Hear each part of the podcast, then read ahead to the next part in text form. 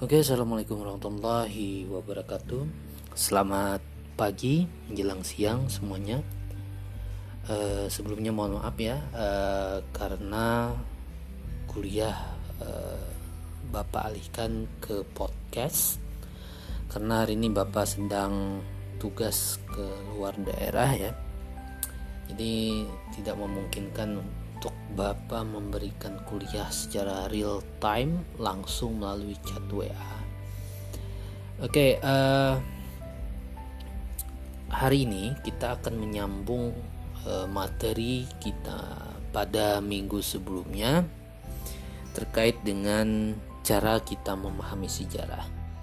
Mungkin sebelumnya kita sudah uh, membahas tentang definisi konsep dan telusuran epistemologis sebenarnya masih uh, ketinggalan manusia dan sejarah ya.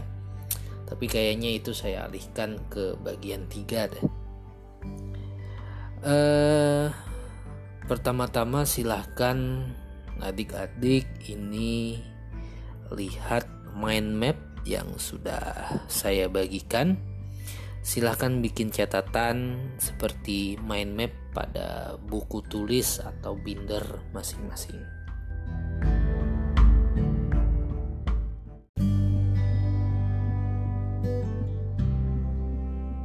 E, baik kita mulai pembahasannya yaitu e, bahasan pertama dua simpangan dalam sejarah gitu ya. E, Peristilahan dua simpangan dalam sejarah ini merupakan e, bentuk penyederhanaan dari istilah yang ada dalam beberapa literatur. Khususnya di sini saya memakai literatur uh, Louis Gottschalk Understanding uh, of History. Kemudian ada Edward H. Carr What is History dan terakhir buku Kunto Wijoyo uh, pengantar ilmu sejarah itu ya. Nah dalam ketiga literatur itu uh, terkait dengan bahasan kita yang terkait dengan kilahan sejarah ini diistilahkan sebagai ambivalensi atau dua jalan gitu ya. Nah di sini untuk menyederhanakannya saya ambil istilah yang sangat-sangat ringan yaitu dua simpangan dalam sejarah gitu ya. Atau kalau istilah dosen saya ketika saya mengecap pendidikan di satu dulu kata beliau istilahnya ini adalah pampangan berpilah dua. Ya ini wajar saja karena beliau uh, apa sih namanya orang sastra itu ya jadi istilahnya sedikit nyastra Baik kembali ke uh, pembahasan dalam dua simpangan dalam sejarah di sini mungkin kita bisa bayangkan sejarah itu seperti jalan gitu ya. Kemudian di ujung jalan kalian menemukan dua simpangan yang bentuknya seperti huruf Y gitu ya. Simpangan ke kiri dan ke kanan. Nah, masing-masing simpangan itu ada pilihan-pilihan peristiwa uh, yang terjadi dalam sejarah hidup manusia.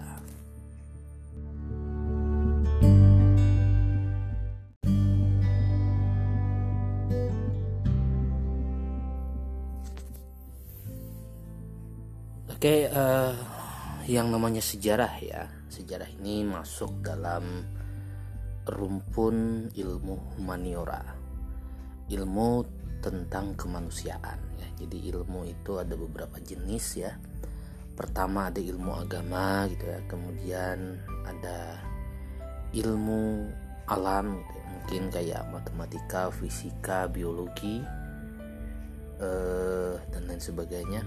Ada ilmu sosial yang membahas terkait dengan eh, hubungan antara manusia dengan manusia. Dan yang terakhir itu ada ilmu humaniora ya yang mungkin agak lebih mirip dengan ilmu sosial tetapi ilmu humaniora ini lebih spesifik ya yaitu membahas terkait dengan manusia itu sendiri sebagai individu. Yang mana ini di antaranya yang termasuk uh, dalam rumpun ilmu humaniora ini adalah sejarah contohnya ya karena membahas tentang uh, masa lalu dari individu manusia itu sendiri yang kemudian nantinya individu ini berinteraksi menjadi, uh, kepada masyarakatnya atau kepada rakyatnya interaksi inilah yang nanti uh, mempertemukan ilmu humaniora ilmu sejarah yang membahas manusia secara individu dengan ilmu sosial yang membahas tentang interaksi manusia. Nah, namun tetap di sini kita menganggap bahwasanya ilmu sejarah itu adalah bagian dari ilmu humaniora ya. E, kita maklumi saja yang namanya ilmu itu akan selalu berjumpa gitu ya. Oke, ilmu humaniora yang selanjutnya yaitu adalah psikologi ya. Bagaimana e, man, e, kejiwaan individu dari seorang manusia ya. Mungkin yang terakhir itu adalah filsafat. Bagaimana individu dari manusia itu berpikir gitu ya Oke, dalam ilmu humaniora, khususnya kalau kita membahas uh, tentang manusia itu sendiri, semuanya atau secara umum kita sering menemukan uh, apa sih namanya ambivalensi dalam manusia itu. Kita sering menemukan dua simpangan dalam manusia itu atau dua hal yang ada yang ada dalam manusia itu ya mungkin kita ingat ya filosofinya Wiro Sableng 212 uh, di antara yang dua terdapat yang satu gitu ya. Misalnya telinga manusia ada dua gitu ya. Lubang hidung manusia ada dua mata manusia ada dua tangan kaki paru-paru gitu ya. Terdiri dari dua namun tetap berada dalam satu uh, tubuh manusia gitu. Artinya uh, kalau istilah sulitnya ini adalah ambivalensi atau kalau istilah antropologinya adalah opposition binner ya. Dua hal yang berlawanan dalam satu keharmonisan. Ya, mungkin saya rasa ini lebih dekat dengan filosofinya Wiro Sableng ya. 212. Oke, penjelasannya kenapa sih ada opposition binner itu ya? Ada ada ada tangan kanan ada tangan kiri gitu ya ada lubang hidung kanan lubang hidung kiri ada laki-laki dan perempuan gitu semuanya berpasangan dua. Uh, yang namanya ambivalensi yang namanya uh, simpangan dua simpangan ya yang saling berlawanan. Uh, menurut peristilahan filsafat itu akan menimbulkan keharmonisan gitu ya. Yang mana apabila tangan kanan dan tangan kiri saling bertemu dia akan membentuk sebuah uh, bukan bentuk baru ya tetapi sebuah pekerjaan baru yaitu bertepuk tangan. Artinya ketika dua hal yang berlawanan itu bertemu dia akan membentuk sesuatu atau uh, pekerjaan yang baru ya. Seperti halnya misalnya laki-laki dan perempuan yang menikah gitu. Ya kita laki-laki anggap uh, bagian kiri perempuan anggap bagian kanan. Ketika mereka menikah mereka uh, akan menimbulkan keharmonisan yaitu perkembangan manusia. Mereka akan melahirkan seorang anak yang mana anak di sini adalah lambang dari keseimbangan. Oke mungkin lebih dekat-dekatnya ke uh, kalau kita bayangkan ini adalah timbangan ya. Dua simpangan dalam sejarah atau position binner atau ambivalensi kita anggap timbangan deh. Misalnya kita punya dua timbangan yang timbangan itu eh, bentuknya ada wadah sebelah kiri ada wadah sebelah kanan nah kalau kita uh, masukkan sebuah benda yang ada di sebelah kiri sedangkan sebelah kanan kosong otomatis yang terjadi adalah adanya ketidakseimbangan uh, mungkin timbangannya akan berat sebelah. Nah, ini yang yang terjadi apabila tidak ada lawannya. Bagaimana supaya seimbang? Maka harus ada lawannya sehingga menciptakan keseimbangan. Ya mungkin analogi lain ya. Dalam sebuah organisasi uh, mungkin ada orang yang frontal yang sering berkata pedas dan ada yang orang cenderung diam gitu atau bijak. Apakah uh, orang yang cenderung frontal itu baik dalam sebuah organisasi? Saya rasa baik. Kenapa? Karena fungsi dia adalah menyeimbangkan. Coba bayangkan seandainya dalam or sebuah organisasi semuanya diam aja. Lalu apa yang dibahas? Lalu apa yang mesti di diperbaiki? Nah, fungsi dari orang yang frontal di sini dia mengkritisi gitu apa yang nggak baik dalam organisasi tersebut gitu atau mungkin dia mencoba membuka pikiran kita gitu yang sering diam dan lain sebagainya lah atau mungkin lebih istilah uh, analogi atau ber, uh, perumpamaan yang lebih simpel kayak gini. Uh, bertepuk tangan gitu. Ya kalau tang misalnya yang yang ada cuma tangan kiri aja sedangkan tangan kanan nggak ada. Lalu apa yang akan terjadi gitu? Ya tentu saja tidak ada yang namanya tepuk tangan. Yang ada hanya bertepuk sebelah tangan gitu. Nah kalau seandainya tangan kanan dan tangan kiri itu bertemu dan saling e, melakukan tepukan gitu maka itu yang kita bisa disebut dengan uh, bertepuk sebelah tangan. Oke jadi itu adalah uh, semacam kayak permakluman kenapa sih uh, dalam sejarah itu ada ambivalensi ada dua simpangan atau ada dua pampangan berpilah dua gitu. Ya karena dalam eh, dalam kehidupan manusia itu sendiri segala sesuatunya itu selalu ambivalen selalu eh, memiliki dua simpangan gitu ya dua pilihan. Itu adalah penjelasan kenapa eh, terjadi seperti itu dalam hidup manusia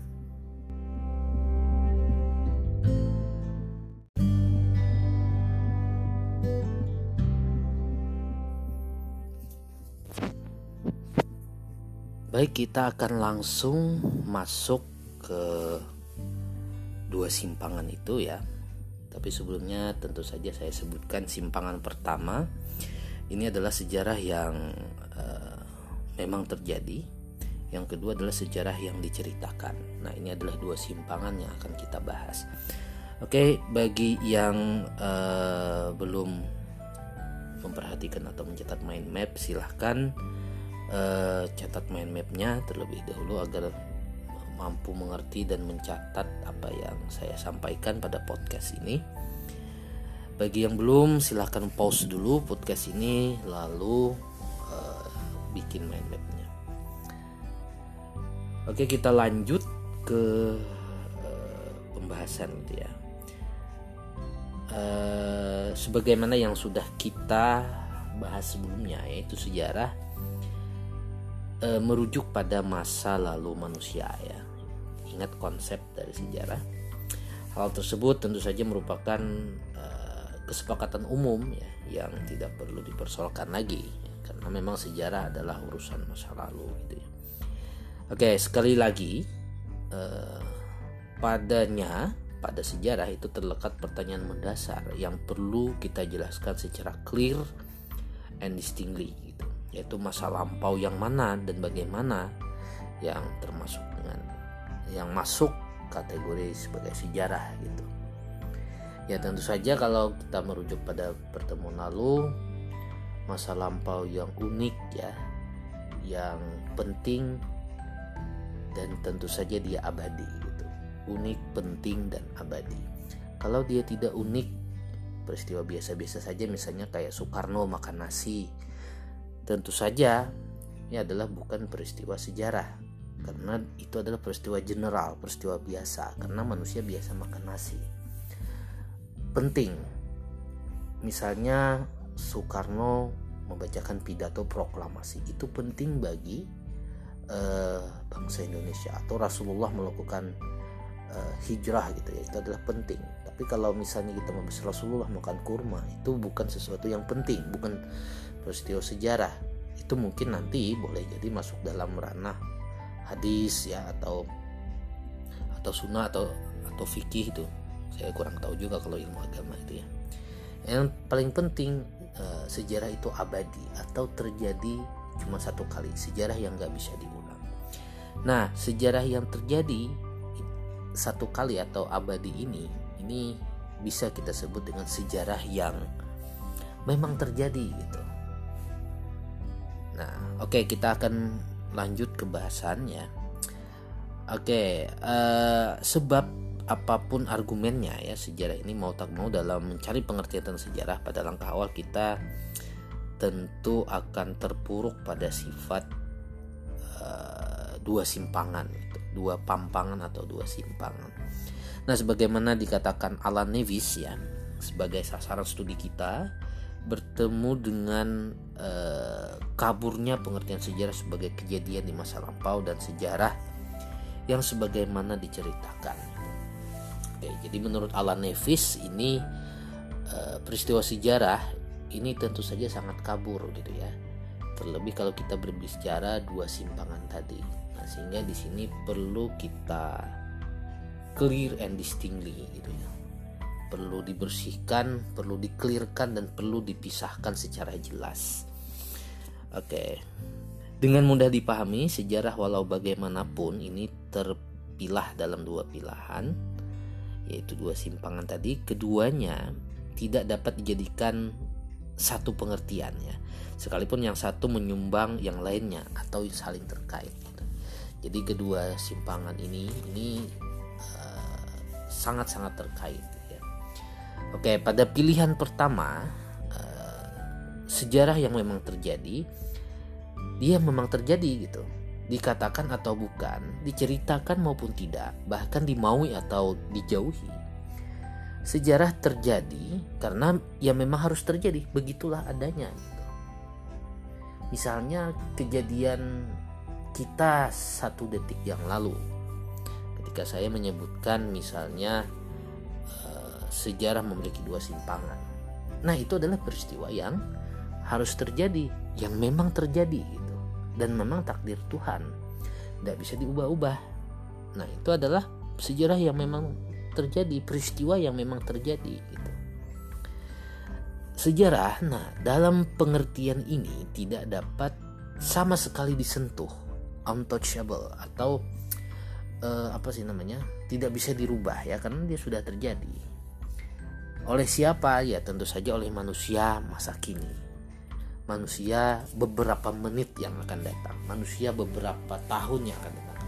Peristiwa yang sudah terjadi itu tidak bisa dirubah, ya sebab dia adalah masa lampau yang terjadi sebagaimana terjadi di kelampauan tersebut gitu. Nah, dengan demikian manusia masa kini mustahil ikut dalam kelampauan itu atau dalam peristiwa sejarah itu. Dan mungkin dia bisa ikut ya. Nah, paling-paling eh, manusia itu bisa menceritakan apa yang terjadi pada masa lampau atau pada masa lalu tersebut. E, mungkin dia cuman bisa mengisahkan kembali kepada anak cucunya bahwa terjadi peristiwa yang kayak gini. Mungkin kalian bisa menceritakan atau menjelaskan lebih lanjut apa yang saya jelaskan beberapa menit yang lalu ya.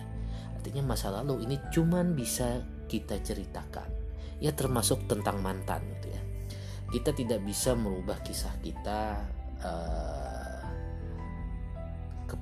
dengan mantan gitu ya kita tidak bisa memperbaiki kesalahan-kesalahan kita atau kesalahan-kesalahan dia ya yang telah terjadi di masa lalu yang bisa yang hanya bisa kita cuman mengenang dan menceritakannya kembali gitu ya uh, sekaligus menjadikannya sebagai bahan pelajaran gitu ya untuk menjadi lebih baik. Oke okay, eh, kalau sudah begitu kita kembali ke materi ya.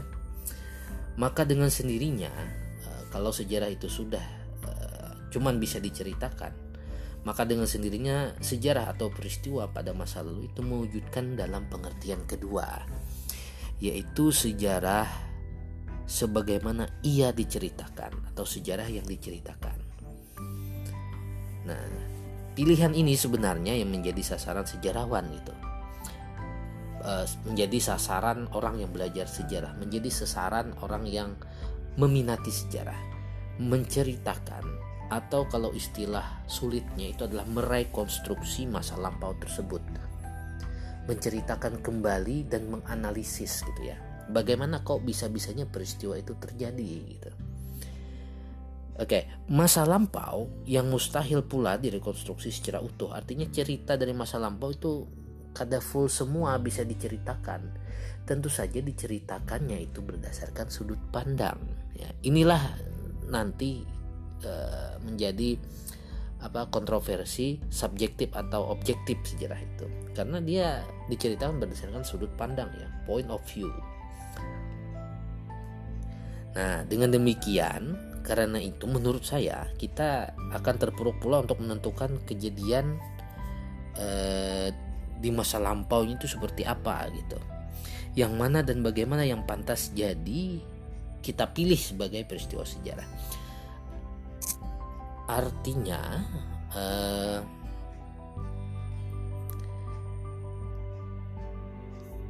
apa?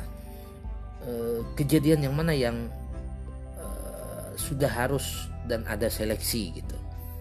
Artinya peristiwa mana yang penting, yang unik, yang abadi, yang itu tentunya harus diseleksi ya.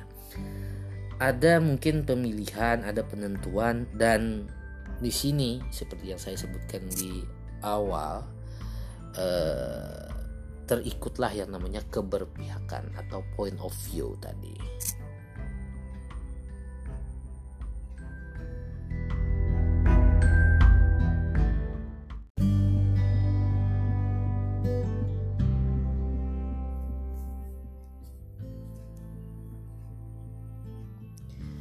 Oke, okay, uh, eh, pada dasarnya dua simpangan itu uh, ya kita sependapat ya uh, bahwa untuk uh, belajar sejarah yang kita ambil ini adalah sejarah yang diceritakan. Artinya kita di sini belajar dari cerita-cerita atau kesimpulan atau rekonstruksi atau penjelasan dari para ahli sejarah.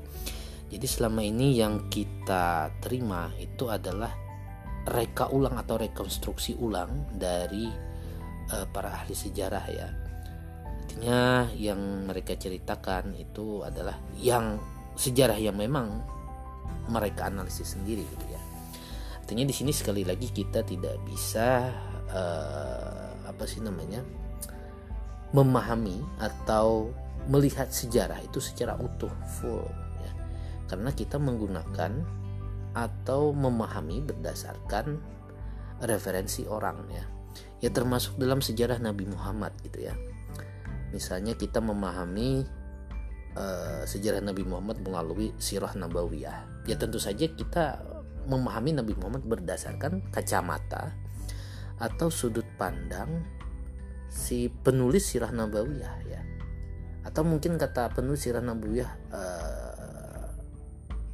saya mendapatkan berita ini atau cerita ini dari Ali bin Abi Thalib. Berarti kita memahami Nabi Muhammad berdasarkan sudut pandang Ali bin Abi Thalib. Yang tentu saja mungkin itu berbeda dengan sudut pandang Umar gitu ya, Umar bin Khattab. Nah, artinya di sini sejarah berkaitan dengan sudut pandang manusia. Nah, Hemat saya, sejarah ini hanya bisa diperuntukkan atas kejadian peristiwa yang terjadi pada manusia atau di alam gitu ya. Ini bisa juga yang namanya sejarah itu menceritakan peristiwa alam yang berhubungan dengan manusia gitu. Yang terungkap atau bisa diungkap setelah melalui sistem pengujian. Artinya fakta sejarah yang kita terima dari orang, dari sumber sejarah misalnya sumber sejarah itu adalah koran atau apa. Tentu saja kalau dari koran sudut pandangnya adalah si penulis berita itu. Eh, tentu saja itu harus dipilih ya harus diseleksi. Ini benar kada tentu saja proses penyeleksiannya ini harus membandingkan dengan sumber yang uh, sumber lain gitu. Ini benar nggak kayak gini? Kalau semua sumber mengatakan kejadian yang sama berarti uh, peristiwa itu bisa disebut dengan peristiwa valid gitu ya. Nah, jadi dalam belajar sejarah kita tentu saja akan belajar membandingkan beberapa sumber gitu ya. Tidak hanya menceritakan fakta-fakta yang mungkin saja ini diulang-ulang pelajaran yang diulang-ulang ketika kalian duduk di bangku sekolah atau di ceramah gitu ya. Tapi kita harus membandingkan bener nggak kayak gini uh, valid nggak sudut pandang orang yang menuliskan sumber sejarah ini dan lain sebagainya.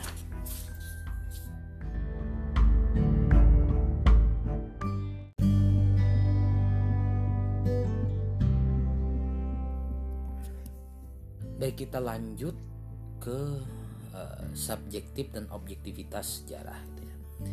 Subjektif dan objektivitas ini saya tidak menemukan padanan kata sederhananya ya. Kalaupun saya ketemu itu istilahnya panjang. Pertama subjektivitas ya. Kalau dalam filsafat ilmu ada namanya subjektivitas dan objektivitas. Uh, subjektivitas itu adalah keberpihakan ya. Sedangkan objektivitas itu ketidakberpihakan, dia netral gitu, universal. Kalau dalam ilmu alam tentu saja ini salah. Uh, ilmu yang subjektif itu adalah ilmu yang salah, sedangkan ilmu yang benar itu adalah objektif. Misalnya satu tambah satu, saya karena saya subjektif, menurut saya satu tambah satu itu adalah nol. Sedangkan sesuatu yang objektif ya, yang pasti gitu, satu tambah satu itu pasti dua, hitung aja Nah, itu dalam ilmu alam. Tetapi kalau dalam ilmu sosial dan ilmu humaniora itu sifat ilmunya itu subjektif. Tetapi sekaligus objektif. Dia berpihak, tetapi orang yang berpihak itu telah semaksimal mungkin berusaha untuk objektif. Jadi ilmu sejarah pada khususnya itu adalah ilmu yang subjektif berdasarkan sudut pandang, dan orang yang mempunyai sudut pandang itu telah berusaha untuk objektif.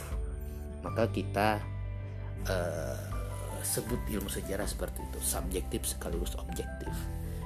Oke biasanya orang yang sering mempertentangkan kedua peristilahan ini ini adalah orang ilmu alam gitu ya.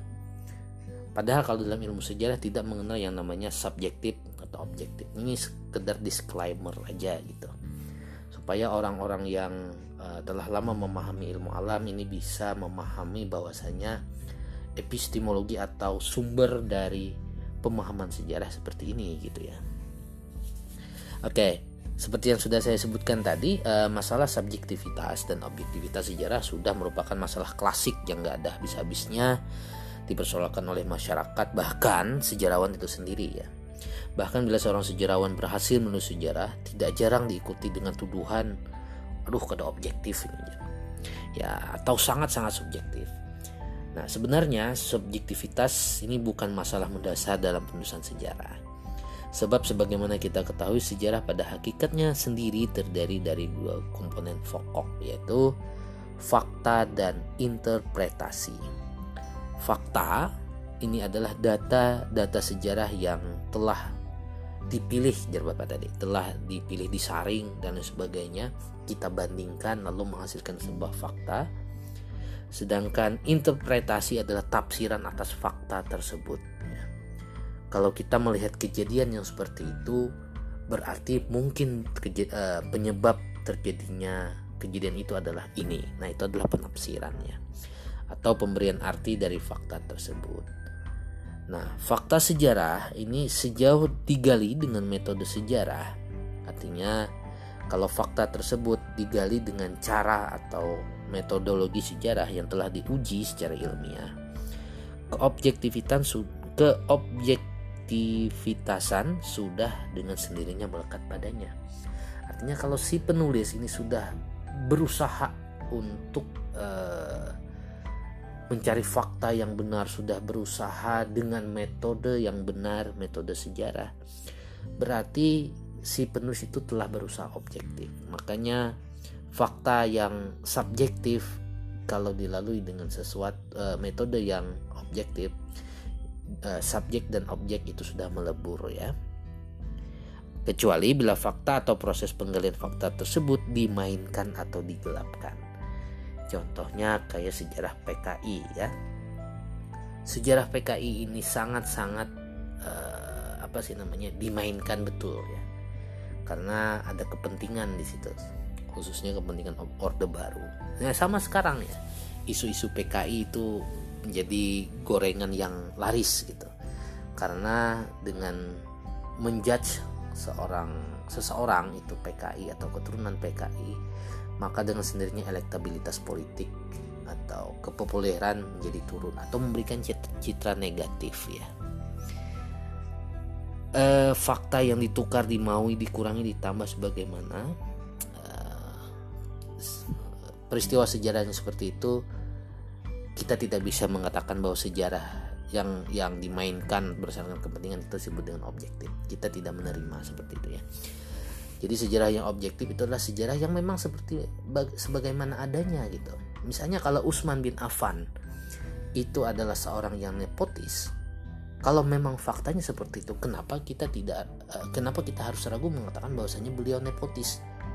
Kita tidak perlu mencari alasan yang normatif ya karena beliau itu adalah sahabat Nabi ya maka uh, apa perilaku yang buruk tidak mungkin ada pada beliau. Ya kita pikir saja yang namanya manusia. Utsman bin Affan kan bukan nabi ya. Tentu saja memiliki sifat yang buruk. Ya satu di antaranya nepotisme gitu. Nah kalau kita mengatakan demikian adanya tanpa dipengaruhi oleh intervensi apa pun termasuk intervensi agama gitu ya. Maksudnya intervensi agama ini uh, hal-hal yang normatif bahwasanya uh, selain yang ada pada rukun iman itu juga uh, apa sih misalnya ya selain Allah selain Nabi selain malaikat selain kitab selain hari kiamat pokoknya termasuk rukun iman itu juga baik gitu. Kadang memiliki sisi buruk itu salah gitu. Misalnya manusia ulama gitu. Tentu saja manusia ulama gitu. Eh, pemuka agama atau tokoh-tokoh agama itu mempunyai juga mempunyai sifat yang buruk ya. Mempunyai sisi-sisi yang buruk karena beliau manusia gitu. Ya tentu saja kita tidak uh, menjelaskannya dengan menghina tetapi memahaminya sebagaimana manusia gitu. Kan beliau manusia. Ya datuk kelampaian manusia. Tentu saja ada sifat e, kemanusiaannya. Ada sisi-sisi lainnya juga gitu. Nah ini adalah penafsiran yang objektif gitu sebagaimana adanya. Ya tentu saja dalam ilmu sejarah itu ada uh, sikap etik ya kode etik. Ya tentu saja kita yang namanya kode etik itu tidak melecehkan ya. Misalnya ya kalau dia memang buruk bukan berarti harus kita harus uh, mengatakan bahwasanya dia memang buruk tetapi ada kode etik. Ya tidak perlulah kita sebutkan dengan cara menghina. Tapi kalau diperlukan kita sebut saja dengan uh, apa sih namanya dengan lembut gitu ya. Dengan tidak merendahkan seseorang